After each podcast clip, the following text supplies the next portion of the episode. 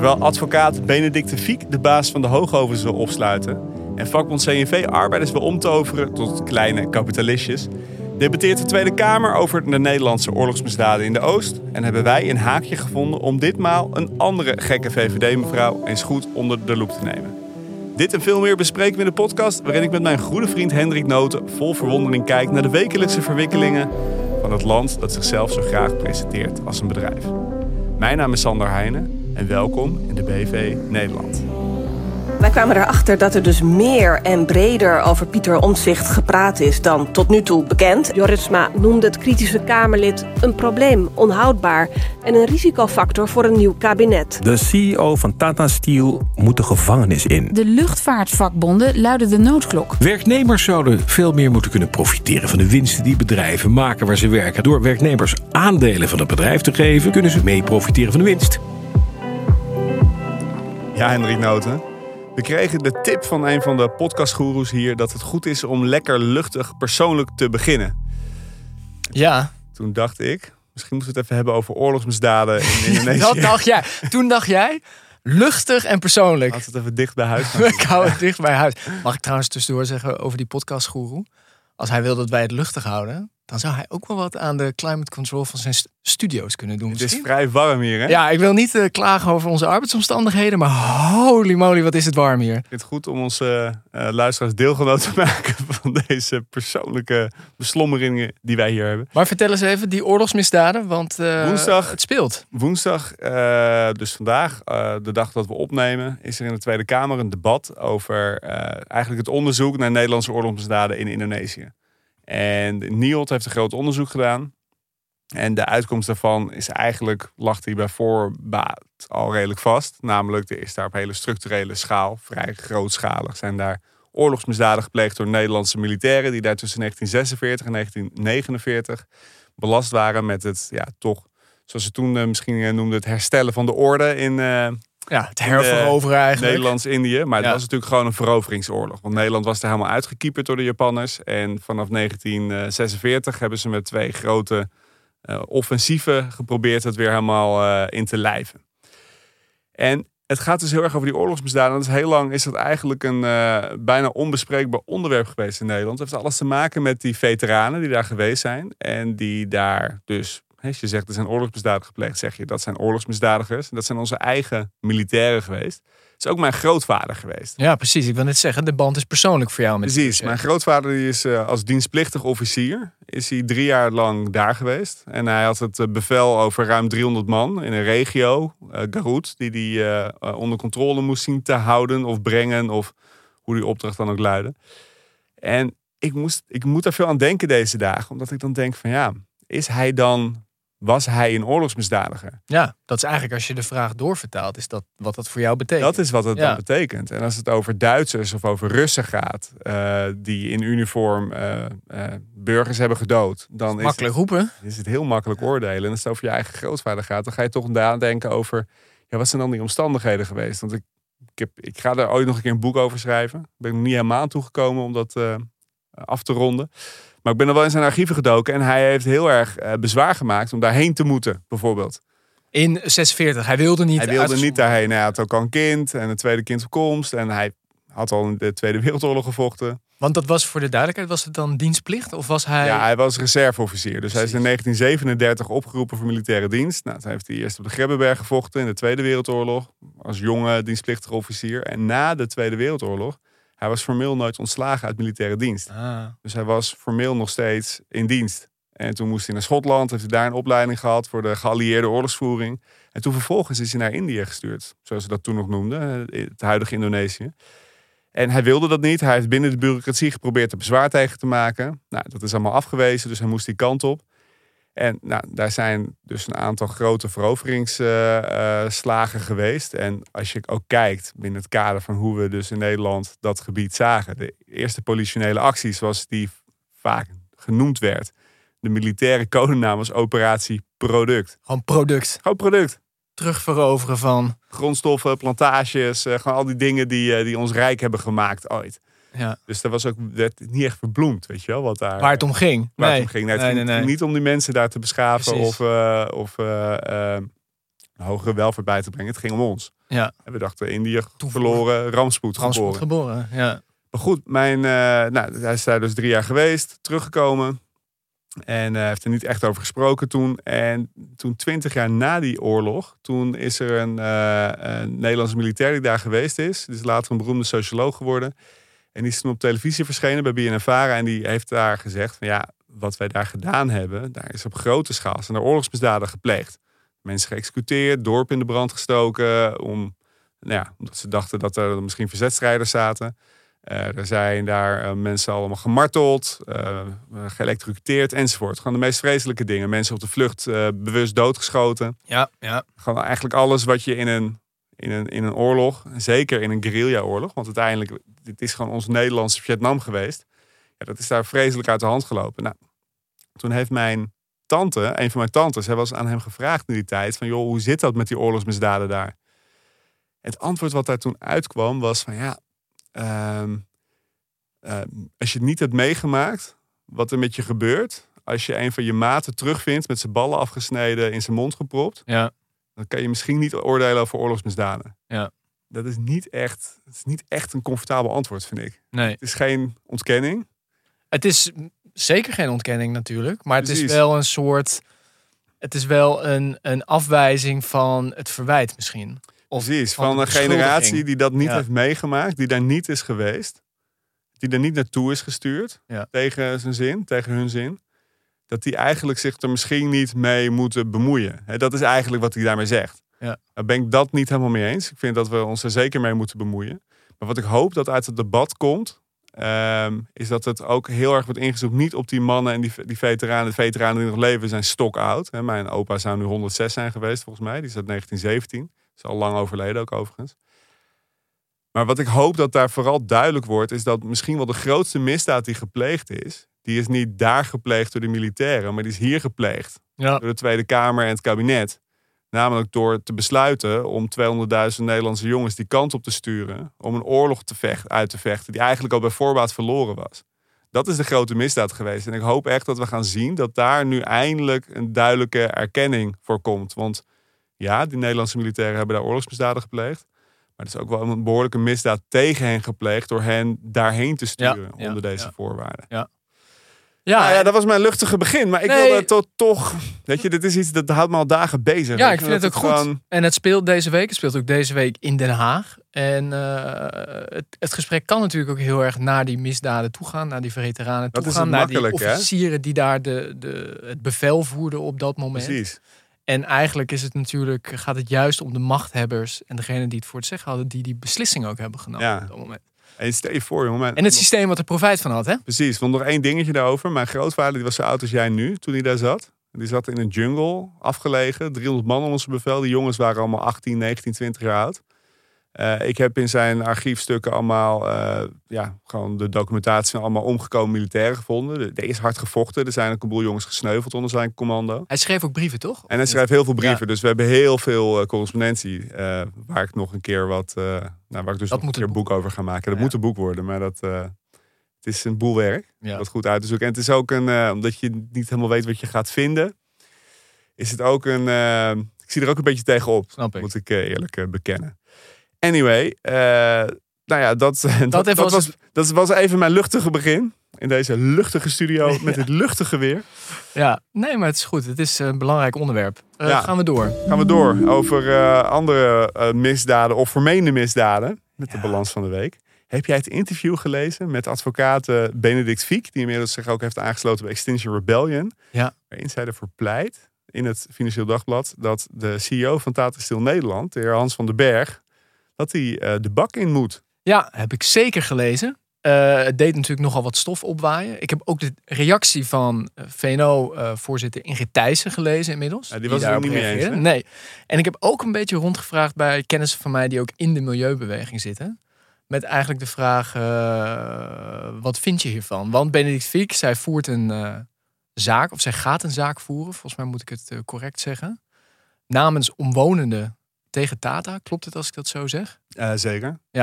En inderdaad, haar uitspraak was van ja, de CEO van eh, Tata, die moet gewoon eigenlijk de gevangenis in. Ja, want die, zij zegt, wij, wij moeten strijden tegen rechtspersonen. Hè, Tata Ja. Is natuurlijk een rechtspersoon, maar je kan een bedrijf niet, eh, eigenlijk niet echt straffen, niet echt raken. Nee. En Maar- haar punt is, de mensen die daar de beslissingen nemen, die het aan de touwtjes trekken, waaronder de CEO, die heeft eigenlijk willens en wetens, houdt hij een bedrijf open of, of weegt die belangen van het bedrijf hoger dan de aantoonbare gezondheidsschade van omwonenden. En zegt ze eigenlijk, ja, dat zou gewoon crimineel moeten zijn. Ja. Dat moeten we... En zij vindt het crimineel en ze wil dus ook het dat dat crimineel. strafrechtelijk eh, Precies. kan worden aangepakt. ja, ja. Nou, Wat mensen- vond jij ervan? Ja, ja, Dan ga ik daarna vertellen wat, mensen, wat, wat mijn korte rondvraag heeft opgeleverd. Kijk, ik, ik denk twee dingen. Ik, ik- ik- het is heel lastig. Ik snap de emotie, snap ik. Ze zegt ook in het interview, ik heb hem nooit ontmoet. Ze, heeft, ze hebben niet met elkaar gesproken of zo. Ze heeft hem niet verhoord. Zij heeft, niet, zij volgens mij niet echt aan, aan waarheidsvinding gedaan van is hij wel of niet persoonlijk waar en wel en niet, waar wel niet verantwoordelijk voor. Eh, dus dat ten eerste. Ten tweede, ik heb hem eh, wel twee keer uitgebreid meegemaakt. Ik heb hem één keer uitgebreid geïnterviewd. Ik heb hem drie keer meegemaakt. Ik heb hem één keer eh, ho- horen spreken op, tijdens het festival in Terschelling. Ik heb hem een keer heel uitgebreid geïnterviewd. Zit ook in podcast De Ommezwaai overigens, dat gesprek. En ik heb nog een keer, eh, was ik ergens waar hij ook was. En heb ik eh, naast hem gezeten tijdens het diner. Het interessante is dat eh, eigenlijk Tata Steel heeft 100 jaar lang... hebben zij totaal scheid gehad aan de omgeving. Dat is gewoon waar. Kinderen worden al 100 jaar ziek ervan. En het is, waarschijnlijk was het 50 jaar geleden een stuk erger dan nu. Alleen nu meten we het veel beter. En de ommezwaai die zij binnen Tata Steel maken, hij is eigenlijk een van de belangrijke gangmakers ook daarachter. Het is, het is aangemoedigd eerst door de vakbonden en de milieubeweging en omwonenden, dat is absoluut waar. Maar hij is nu binnen dat Tata Steel, sinds hij daar stokje heeft overgenomen, is hij eigenlijk vrij snel tot de conclusie gekomen: wat we hier doen, dat kan inderdaad niet meer. Dus we moeten dit veranderen, we moeten dit ombouwen. En dan is vervolgens de vraag: gaat dat snel genoeg? En we zitten in een kapitalistisch systeem waarbij die, eh, en ze vragen subsidie aan de overheid om het te financieren, eh, deels, maar ze moeten ook deels zelf erin investeren. En we zitten in een kapitalistisch systeem waarin zo'n fabriek alleen maar kan voortbestaan op het moment dat ze dus vanuit de huidige opbrengsten dat kunnen financieren. Dus als je per direct die fabriek dichtgooit, dan gaat er ook nooit meer een schone fabriek open. Ja, ja. En dat is de spagaat waar, eh, waar hij in zit. Ja. en dat is eigenlijk is het, het probleem van Tata Steel is eigenlijk een systeemprobleem.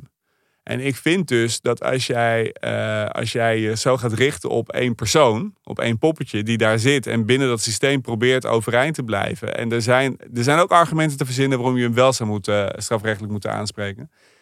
Maar ik denk eigenlijk dat het niet fair is naar de persoon. Eh, en ik denk ook dat het niet constructief is. Dus dat je daarmee niet, eh, dat je daarmee niet de versnelling eh, eh, krijgt die je nodig hebt. Juist omdat dit ook iemand is die zich er daadwerkelijk voor heeft uitgesproken van we moeten zo snel mogelijk Ja. groen worden. En we zijn daarmee bezig. Dit was natuurlijk ook de verdediging eigenlijk van Ingrid Thijssen, ook in, de, in het FD. Ja, Wat, ik- wat ik dus hoor vanuit ook de milieubeweging is inderdaad dat er gezegd wordt, ja, het gaat ook waarschijnlijk niet zozeer om die persoon. Maar het gaat erom dat, we een, dat er uiteindelijk meer precedenten moeten komen. Waar inderdaad de aansprakelijkheid van bedrijven groter wordt dan de ongrijpbaarheid die er nu, die er nu is. ja, maar het is wel een beetje de logica van de Franse revolutie. Hè? Het gaat niet per se om Marie-Antoinette. Maar de kop moet er toch af, want het is wel een persoon. Hè? Je hebt het wel gewoon over. Ja, nee, dus de, daar eens. Nee, dus dat is volgens mij, daarom voel ik me er ook heel ongemakkelijk bij, bij hoe het aangepakt wordt. Maar dit is de, de, ja, dat echt de uiterste flank, denk ik, van het activisme ook daar. Nou ja, maar ik vind... En ook om wel mee te nemen, het bedrijf heeft ook een hele hoop mensen ziek gemaakt. Laten we dat natuurlijk ook nee, dat, dat, is, dat, is, dat is evident. Maar wat is de consequentie die En uiteindelijk, hè, het argument ook wat je ervoor zou kunnen aandragen. Want het is ook wel leuk. Ik luister wel eens naar een podcast van Arend Jan Boekenstein. Die gaat altijd, kijk, je zou er ook voor kunnen zeggen. Ja. ik zou meer die stem misschien ook moeten, ook een beetje zo'n stem moeten ontwikkelen. Jij? Ja, Ah, dat kan nog, je, hebt nog, gesprekken. je hebt nog 30 jaar. Ja. Praat rustig. Hij heeft een diepe stem. Mensen vinden hem een sexy stem hebben. Ik kan hem niet zo goed nadoen. Maar, eh, maar in ieder geval, ehm, ehm, kijk, wat je ervoor zou kunnen zeggen is bij de gaswinning in Groningen was de NAM was altijd, eh, zeiden ze nee, eh, we hebben gewoon contracten en de gas moet gewoon opgepompt worden door Ja. en door. En op een gegeven moment begonnen eh, omwonenden erover te filosoferen, volgens mij zelfs maar, om, de, om de bestuurders van de NAM persoonlijk strafrechtelijk te vervolgen.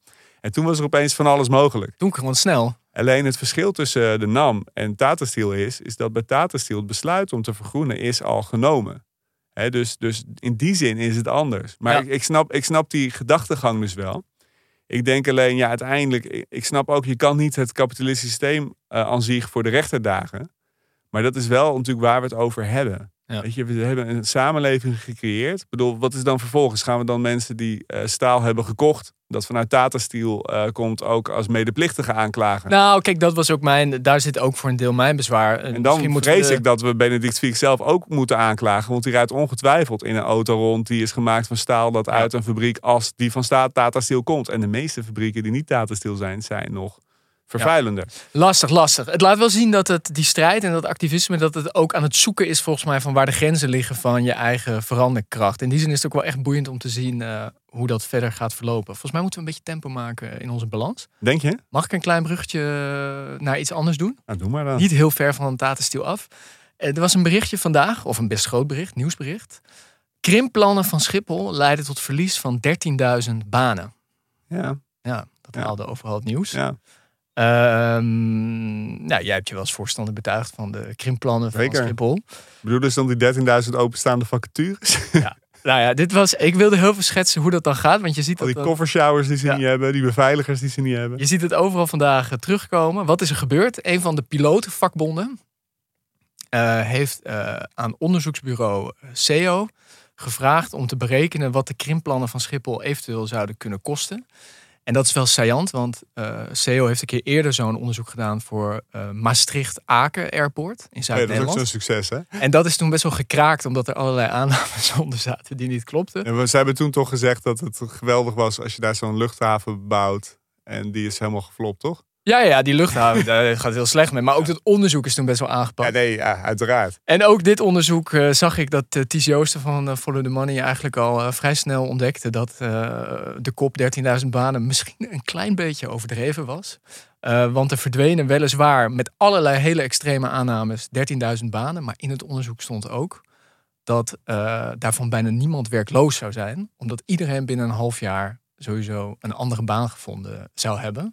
Nog even los van het feit dat het bedrag eh, vrij extreem was. Ja, en los En van dat het laat feit dat mooi Schiphol zien. al jaren echt totaal flut presteert. Omdat ze gewoon de mensen niet kunnen vinden om die luchthaven te bemannen. Nee, precies. Dus het laat wel weer mooi zien hoe zo'n eh, onderzoekje dan gebruikt wordt in dat spel. Maar dat het onderzoek zelf, daar kan je ook, als het door een onderzoeksbureau is gedaan, echt hele grote vraagtekens bij Ja, plaatsen. bij dit soort onderzoeken, bij dit soort bureaus, het is gewoon gekochte, het zijn gewoon gekochte onderzoeken. Altijd. Weet je, er komt altijd uit wat je wilt dat eruit komt. Ja, als je de vraag maar Ja. genoeg stelt. Weet je wat eh, ook eh, toch, toch even heel kort, maar vakbond CNV, die Ja. werknemers belastingvrij tot 2000 euro per jaar aan aandelen kunnen uitkeren. Ja, dat werd gelanceerd dit Ja, weekend. en het idee was erachter, dat, dat gaat de scheefgroei oplossen. Dat gaat de ongelijkheid oplossen. En dat gaat misschien ook wel een middel zijn tegen grijflatie. Want dan kan ik als werkgever mijn personeel, of eh, zeg maar, zonder dat er belasting over wordt gegeven, gewoon aandelen Ja, dus ik neem aan geven. als je nu een aandelenpakket krijgt, is gewoon, lo- is gewoon een vorm van loon, betaal je gewoon loonheffing over. Ja, Dus eh, ze zeggen dan, als je kan, geef mensen dat nou zonder dat ze daar loonheffing over hoeven te betalen. voordeliger. Voordeliger, ja. Arbeidsvoorwaarden. Leuk toch?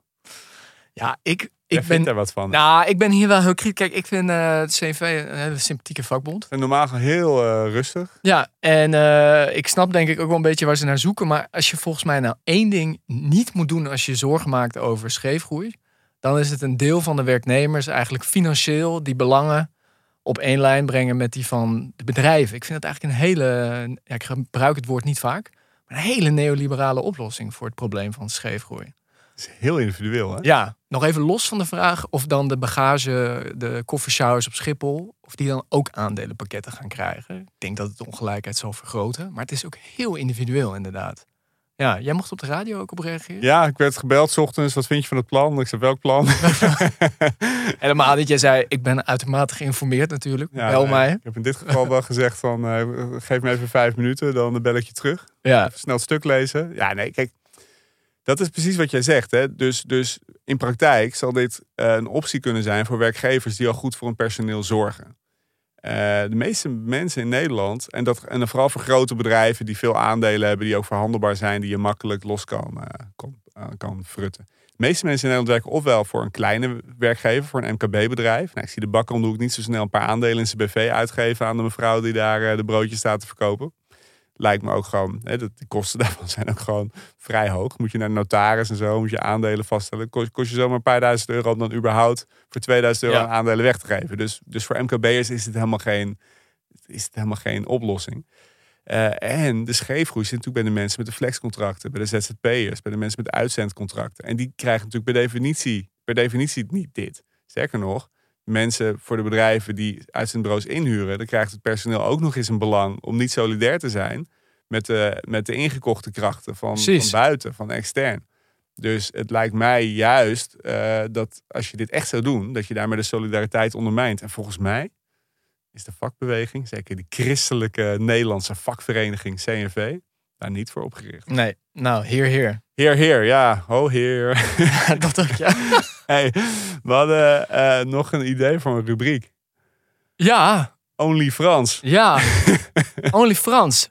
Ja, eh, Frans Timmermans had een eh, interview in de NRC vandaag. En dat ging over het groeiend verzet tegen zijn milieuwetgeving. Vandaag. Volgens mij was het eerder deze. Sorry, ik zeg vandaag. Dit is door de temperatuur. Ehm, en, en hij zegt in het interview van ja, ik snap dat er meer verzet is tegen mijn groene wetgeving, maar we hebben geen keus. Dat zegt hij enerzijds. Maar en ten tweede, hij benadrukt vooral, want daar wordt hij naar gevraagd, dat hij absoluut geen plannen heeft om terug te komen naar Nederland. Sterker nog, hij hoort ook wel dat hij genoemd wordt. Maar hij heeft absoluut geen plannen om terug te keren naar Nederland. En toen dacht ik, het is tijd om de eerste stelling van noten te Ik introduceren. ben heel benieuwd.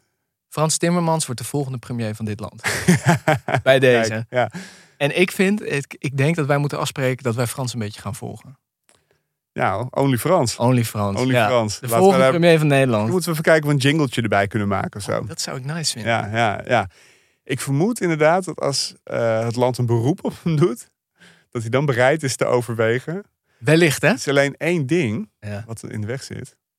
En Rutte, die doet het niet voor zichzelf. Hè? Nee. Ik heb veel debatten met hem gevolgd de laatste tijd. Hij doet dit niet voor zichzelf. Hij doet dit voor het land. En het kan dus niet zo zijn dat het land zonder Rutte verder moet. Want ja, wat, wat, wat, wat, wat gaat er dan wel niet allemaal mis? Wat gaat er dan mis met dit land, hè? Dus ik ben heel benieuwd eh, eh, welke van deze twee eh, mensen, hoe zeg je dat? Welke van deze twee altruïsten het volgende kabinet in elkaar gaat zetten. Daarover, het in elkaar zetten van kabinetjes. Misschien moeten we het daar na deze break even over hebben.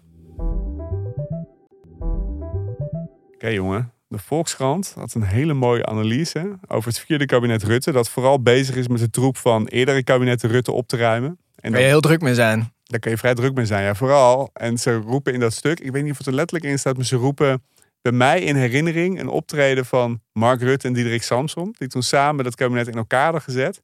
Die kwamen toen bij eh Pauw en Witteman aan tafel zitten. Ja. En eh, daar is ook nog een hele mooie, voor de luisteraars, moet je eigenlijk, ik zet wel even een linkje in de show notes als ik kan vinden. Een Lucky TV, waarin zij als een verliefd stel eh, naar elkaar zitten te praten. Eh, over elkaar zitten te praten. Maar goed, die gingen met heel veel energie eindelijk allemaal broodnodige hervormingen doorvoeren. en nou, dat was het meest ambitieuze kabinet ooit. Zo presenteerden ze het. En dan schrijft de Volkskrant er nu over. Ehm eh, Eén kabinetsperiode is niet genoeg om een deel van het beleid van Rutte 2 weer ongedaan te maken. Ja, wat een tekst. Ja, dat is echt behoorlijk tong in cheek. Ja, Maar een heel pijnlijke constatering. Ja, kijk, ik ben ook wel eens thuis druk bezig met mijn eigen troep op te ruimen. Eh, ja, wacht maar, jij wordt vader. dat, ik vermoed inderdaad. Ruim dat maar eens op. Oh, maar, maar van wellicht dat je van je nationale regering iets meer eh, hoopt. Zou jij, want, want jij zegt het nu zo stoer, zou jij, jij kan, zou je kunnen opzoomen wat een deel van dat beleid wat ongedaan moet worden gemaakt behelst? Heb je even. Heb ik even, ja? De basisbeurs. Het afschaffen van de basisbeurs. Is net besloten, ja. is weer eh, her- 2015 afgeschaft, wordt nu weer heringevoerd, want het is totaal eh, fiasco gebleken. Gaswinning in Groningen. Net een groot debat over geweest, parlementaire eh, enquête over geweest. Het tweede kabinet Rutte, van Rutte en Samson, die besloten maximaal eh, te pompen. Is niet helemaal lekker afgelopen hè, voor die Groningers. Nee. Dan de jeugdwet. Eh, Tel je mee, we zitten op drie. De jeugdwet 2015. De rekenkamer heeft daar in april echt gehakt van gemaakt. Hè? Van dat het echt totale mislukking is. En dat ging over het decentraliseren van de jeugdzorg en zo. Nou, er zijn er gewoon een heleboel jonge mensen tussen het wal en schip geraakt daardoor. Is verschrikking. Gewoon helemaal totaal ondoordacht plan. Was van tevoren ook al volstrekt helder dat het niet ging werken als je dat met minder geld ging decentraliseren. Nou, totaal mislukt. De verhuurdersheffing, nummer 4. 2013 eh, ingevoerd. De verhuurdersheffing, hè, sociale, de, de, de verhuurders van sociale huurwoningen met meer dan 50 sociale huurwoningen, oftewel de woningbouwcorporaties, ja. moesten een extra belasting erover gaan betalen, die particuliere uh, huisbazen en pandjes, uh, zeg dat, huisjesmelkers niet hoefden te betalen. Ook teruggedraaid, mislukt.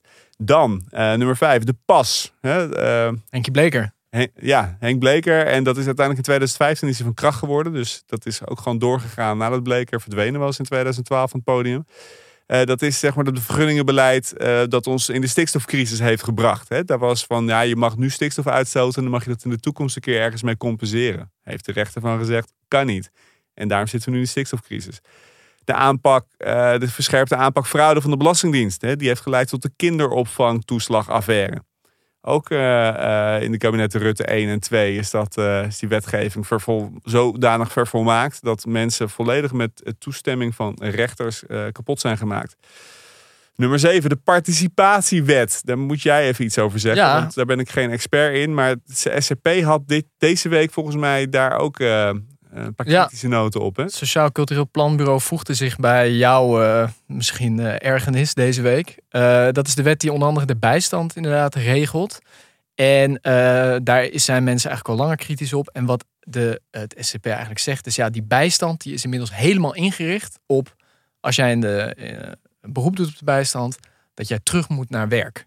En dat komt natuurlijk heel erg voort vanuit. We hebben ook in die bezuinigingsperiode natuurlijk ook gehad van ja, mensen moeten niet nodeloos gewoon, we moeten gewoon niet veel uitkeringstrekkers hebben. Nee, want Daar we, komt het gewoon neer. We hadden natuurlijk uit een verzorgingsstaat. Ja. En op een gegeven moment zaten misschien iets te veel mensen in een uitkering. Wat zeker wat voor te zeggen. Kan je best een, uh, een boom voor opzetten. Maar toen kregen we uh, een van de kabinetten Rutte, Rutte 2.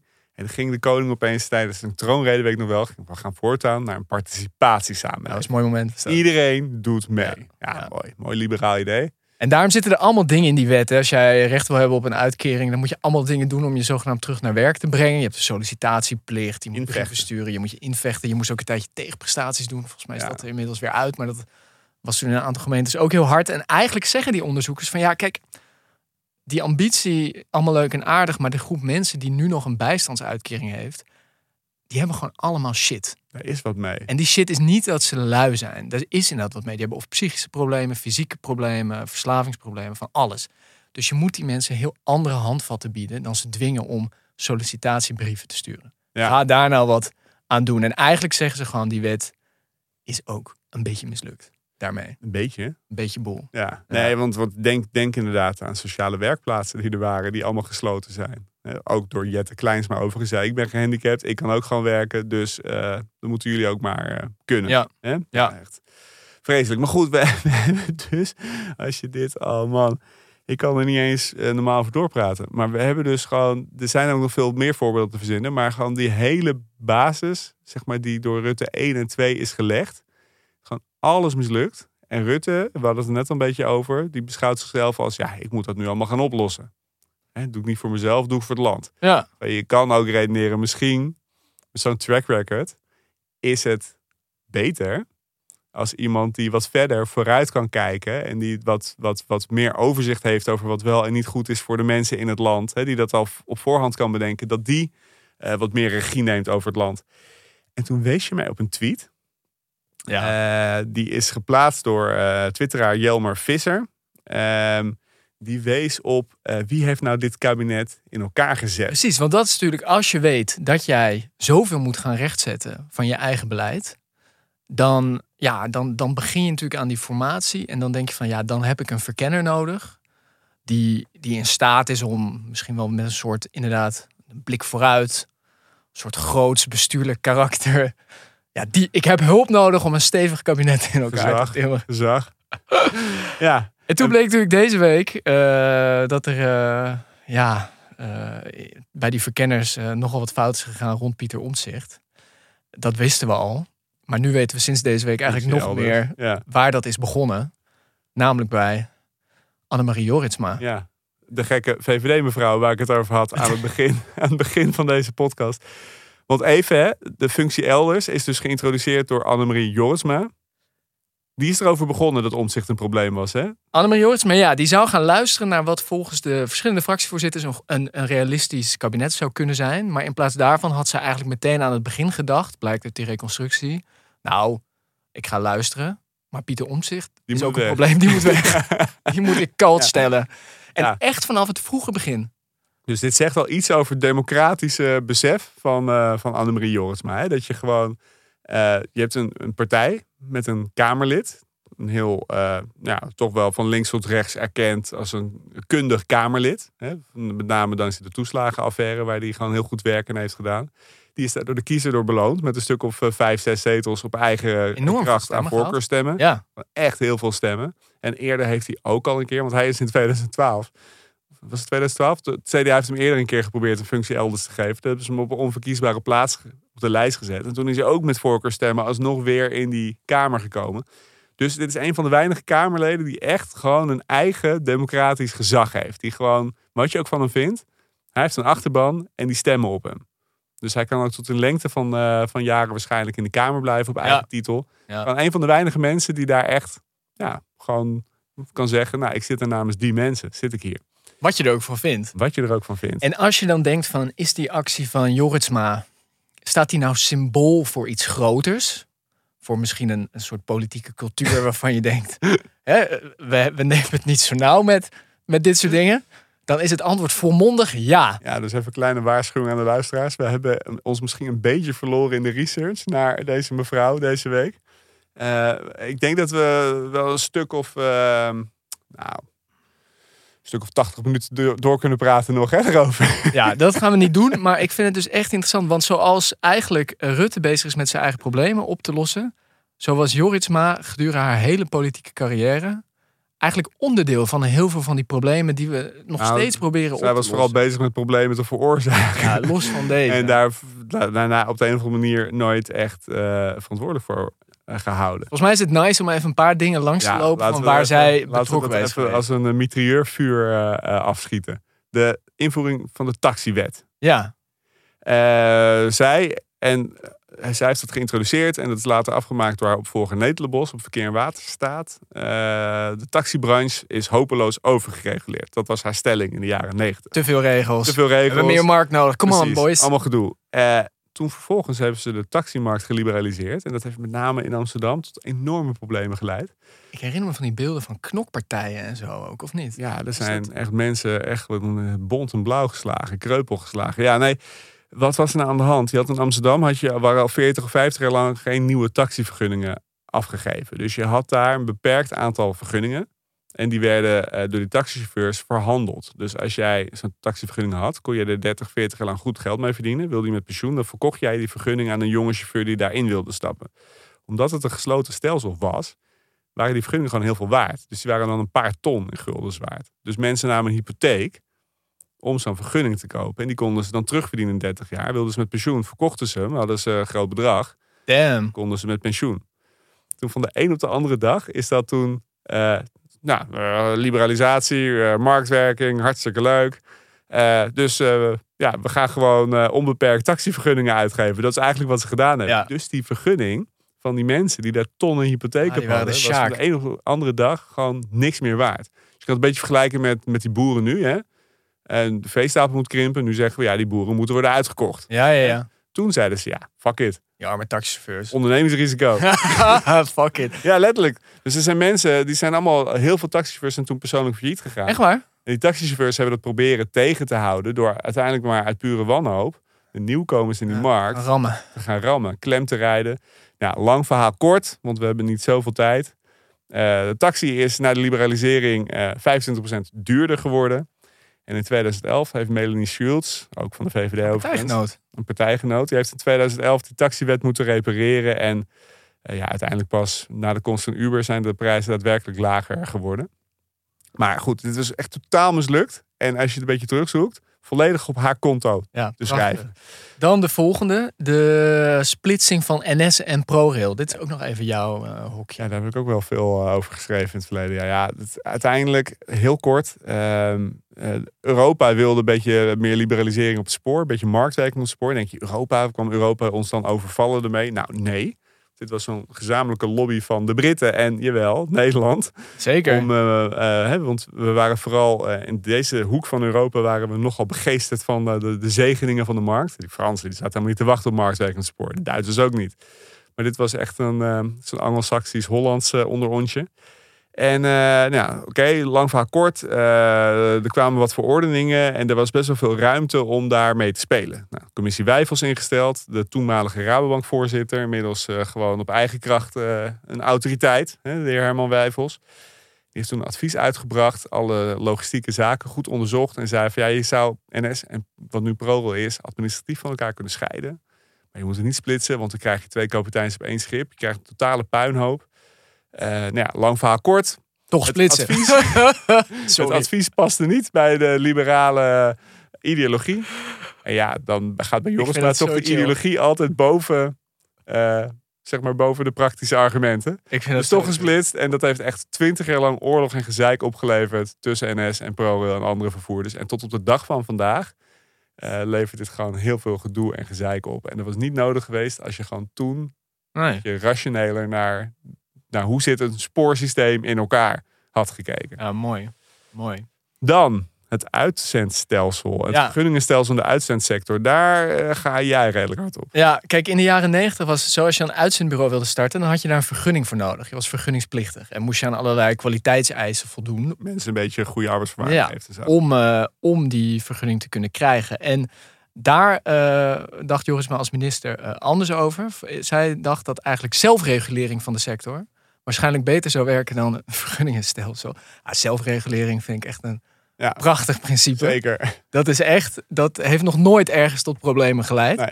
Eh, consequentie, eh, toen de vergunningen dus werden afgeschaft, groeide de markt van 4000 naar 14.000 uitzendbureaus. En de boel uitzendbureaus. Ja, want we denken dus vaak aan Randstad of USG People, hele grote, nette bureaus. Maar Nederland. Workforce. Ja, precies. Ja. In Nederland zit natuurlijk vol met allerlei kleinere bureaus. En inmiddels weten we de problemen met arbeidsmigratie, de huisvesting, de erbarmelijke omstandigheden op allerlei plekken in het land. Gelieerd aan vooral die kleinere malafide uitzendbureaus. Dat de zelfregulering niet heel erg goed heeft gewerkt. En het probleem eigenlijk best wel groot is geworden. Zo, het is natuurlijk verschrikkelijk. Maar we hebben nog een hele lange lijst, Hendrik. Ja, daar hebben we geen tijd voor, hè? Ja, toch even. Ja, er zijn een paar die ik Ik wel... kwam de hoge snelheidslijn tegen. Betuwelijn, Betuwelijn gaan we het even niet over hebben. Oké. Ook echt een verhaal op zich. Eh, hoge snelheidslijn. Eerste Kamer. Zij had die hoge snelheidslijn door de Tweede Kamer geloodst. En die Eerste Kamer keek er nog eens naar. En in die tijd was de Eerste Kamer toch nog vooral de kwaliteit van de wetgeving aan het toetsen. Ja, die spoortunnel onder het Groene Hart door.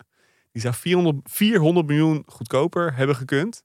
Als die trein iets minder hard zou moeten kunnen rijden. Dus niet 300 per uur, maar iets minder 250 of zo. Eh, Of 220. Ja. En, eh, en als hij ook iets minder hard zou hoeven te rijden tussen Amsterdam en Rotterdam, eh, dan zouden die bochten scherper kunnen, waardoor het traject korter kon zijn. Nou, toen ging ze meteen met de portefeuille wapperen, dus dat weigerden ze. Want ze zeiden, ja, die trein moet 300 km per uur kunnen rijden. Een dag. Ja, Echt? Ja, tussen Amsterdam en Rotterdam. Hè? Want anders is het geen hoge snelheidslijn. Dat werd hè? echt Dus- zo'n stokpaard. ja, dat werd zo'n stokpaardje. Als je nu kijkt in de praktijk, weet je hoe lang die hoge snelheidslijn tussen Amsterdam en Rotterdam 300 km per uur kan rijden? Op het hele traject Ja? Ik durf niet te zeggen. Eén minuut. Omdat dit traject is natuurlijk zo kort.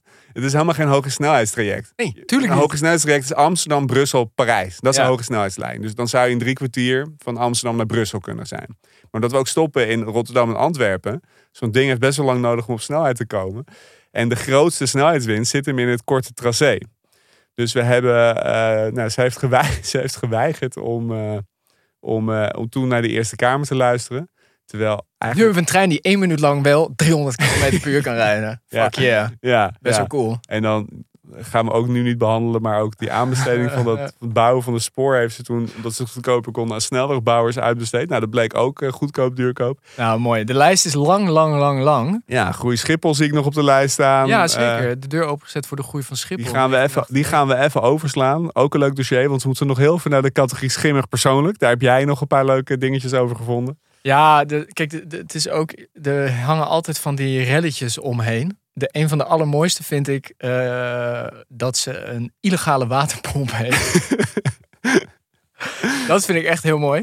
Ja, Eh, woont ze nog in de Flevopolder? Dan snap ik dat je een goede pomp wilt hebben. Ja, misschien niet meer inmiddels. Eh, daar is gedoe over geweest. Dus een waterpomp die zonder toestemming werd Nee, maar aangelegd. leg even uit. Hoe heb je een illegale waterpomp? Nou ja. Had een vergunning aangevraagd, die had ze niet gekregen. Ja, en je, toen? ja, je mag niet. En toen heeft ze toch die waterpomp gewoon aan laten leggen. Ja, precies. Daar kwam het eigenlijk gewoon op neer. Ja, ja En leuk. dat mag niet overal met grondwaterdingen en zo.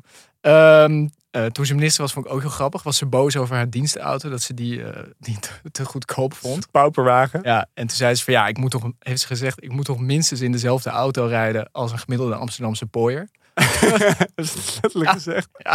Wel humor. En later was er ook, dat is wel serieuzer, een brandbrief van gemeenteambtenaren in Almere over het persoonlijk gebruik van de dienstauto, onder andere door de burgemeester, eh, door Joritsma. Dus er heeft ook altijd wel ook dat soort gedoe omheen. eh, Italiaanse, omheen. Italiaanse toestanden. Ja, en volgens mij misschien, ik weet niet. Knipoog naar Berlusconi. Nou, en volgens mij is dat ook hoe, eh, als je het een beetje wil kijken naar, want we kunnen er grappig over doen, hè, van waar staat dit nou symbool voor? Want daar gaat het natuurlijk ook een beetje om. Is dat het ook een beetje zo'n, het heeft ook bijna zo dat het is nog die heel geprivilegeerde politiek, weet je wel, van ja. Kom op jongens, eh, we moeten gewoon dingen regelen. Ja, maar ook, maar op het moment dat ze gewoon daadwerkelijk wordt aangesproken. Want je had nog iets leuks uitgezocht, wat je nu niet verteld hebt. Maar als je daadwerkelijk wordt aangesproken daarop, hè, op hoe gedraag jij je.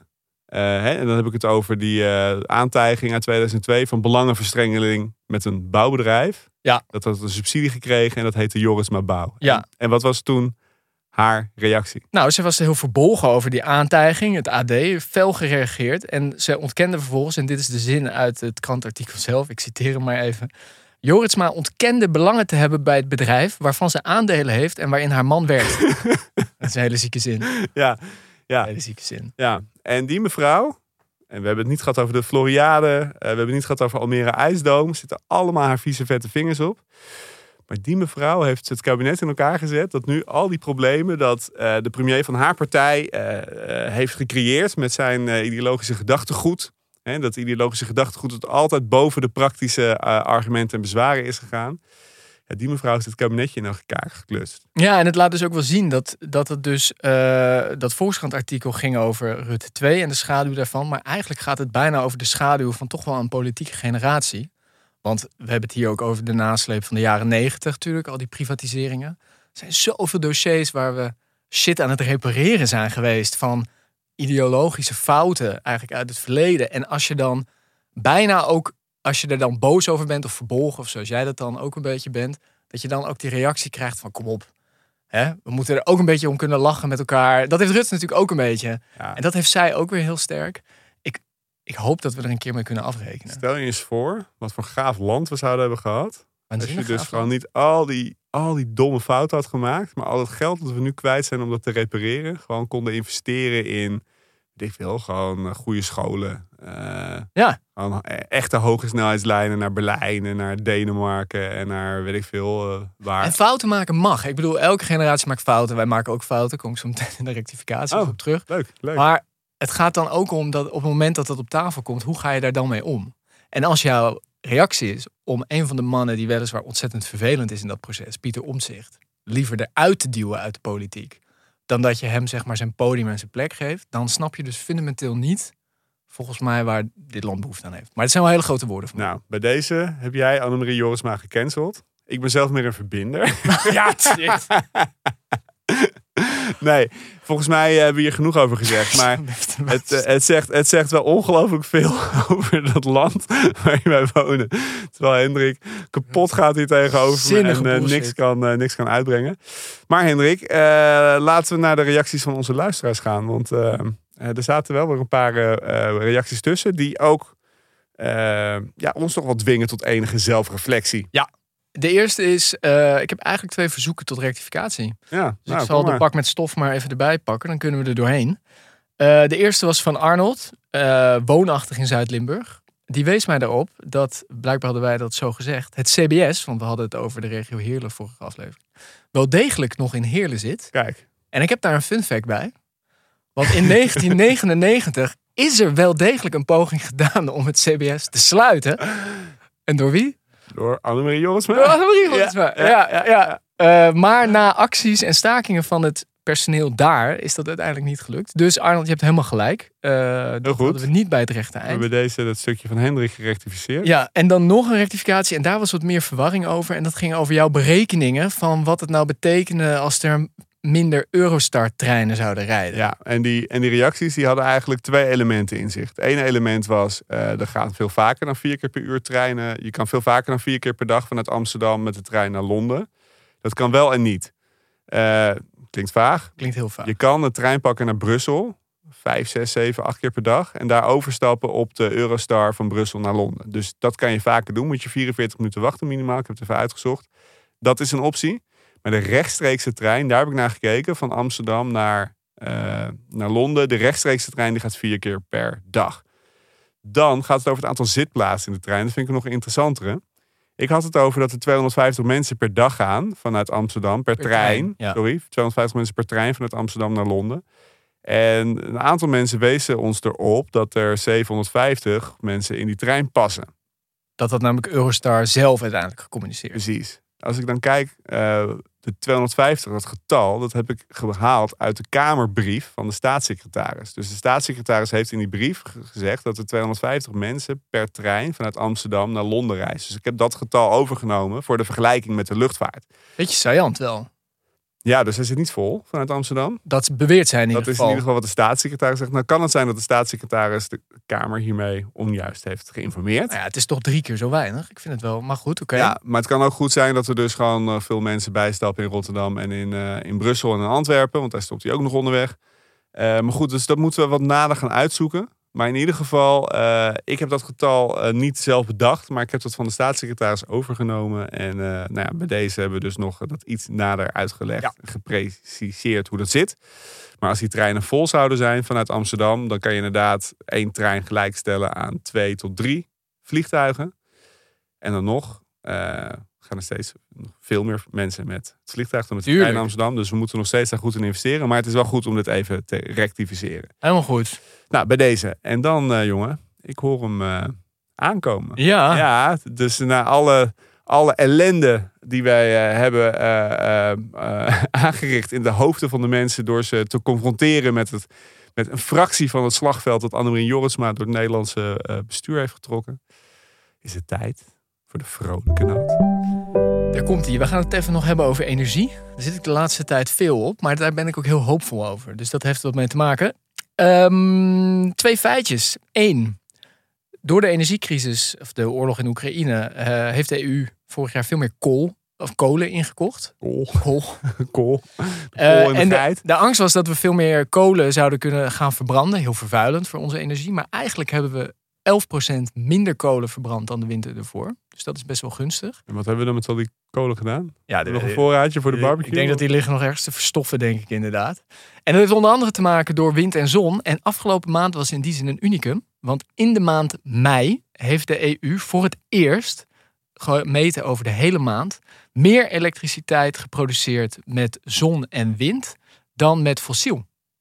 Het viel me ook op op de racefiets dat ik veel wind eh, tegen had. Ja, dat heeft misschien geholpen. het zonnetje wel scheen. Ja, en eh, de tekst in het eh, artikel waar ik het las, werd, ge- werd een specialist gequote. En die zei: Europe's electricity transition has hit hyperdrive. Wel vet, hè? En dat zijn teksten waar ik toch lekker op ga. Ja, ik vind het ook vet. En wat ik ook wel grappig vind, nog even een klein, klein persoonlijk dingetje. Ik heb wel eens verteld hè, dat ik zo'n zo'n dynamisch energiecontract heb. Hè, dat je gewoon de, de reële stroomprijzen krijgt. Dus wat het op dat moment kost. En eh, ik heb zonnepanelen op mijn dak. Maar ik heb dus nu een paar keer gehad eh, de afgelopen tijd dat die prijs negatief was. Dus dat je moet betalen om stroom te leveren aan het net. Oh ja. Dus als je dan heel veel stroom verbruikt op dat moment, dan krijg je dus geld toe om stroom te verbruiken. Eh, wat je kan doen op het moment dat je zonnepanelen hebt. Je kan je auto opladen als je een elektrische auto hebt. Maar ja, ik, ik, heb, ik heb een auto die deels elektrisch is. Maar ik rij niet zoveel. Dus ja, als die auto helemaal vol zit, kan ik dus nergens met mijn stroom heen. En ik kan dus... dus Dan moet je dokken. dan moet ik dus dokken Ah, ja. om eh, die zonnepanelenstroom eh, kwijt te raken. Dus eh, ik vind het een mooie ontwikkeling. Absoluut. En per saldo door het jaar heen eh, kom je ook heel goed uit. Maar ik vond het ook grappig om even gewoon zo te ervaren van... oh ja, wacht even. Dat is dus de keerzijde van dynamische stroomprijzen. Dat je inderdaad... Ik heb geen knopje dat ik mijn zonnepanelen even uit kan zetten. Nee, en dat steeds meer mensen ook zonnepanelen hebben. Nou ja, precies. precies. Dus, eh, dus eh, ja, nee, het was, een, eh, was wat dat betreft een interessante maand. Maar fijn dat het eindelijk een beetje gang komt in die energietransitie. Misschien komt alles dan toch nog goed. Ja, dat denk ik niet, maar laten we, laten we het wel. Ja, oh, vrolijke noot, vrolijk eindigen. Oké, Oké, jongen. Zullen we dan gaan afsluiten? ja, zit het er weer op? Nou, dan eh, zeg ik eh, bedankt voor het luisteren. Ah, dat zeg jij altijd. Dan zeg ik bedankt voor het luisteren. Ja, graag gedaan. Vol- Volgende week zijn we er weer. Jij bedankt voor het luisteren. Eh, ik zei al, heb je vragen of rectificaties, zoals over onze Eurostar of CBS foutjes, kan het onder andere door te mailen naar bvnederland.creator-podimo.com. Staat ook in de show notes. Of zoek ons even op via Instagram, BV Nederland of LinkedIn. Gewoon Hendrik Noten, Sander Heijnen. Deel deze aflevering vooral met anderen. En dan zeg ik altijd, wil jij meer horen over politiek, maatschappij? Check dan ook even de andere titels van onze collega's. Waanzinnig Land van Johan Frets.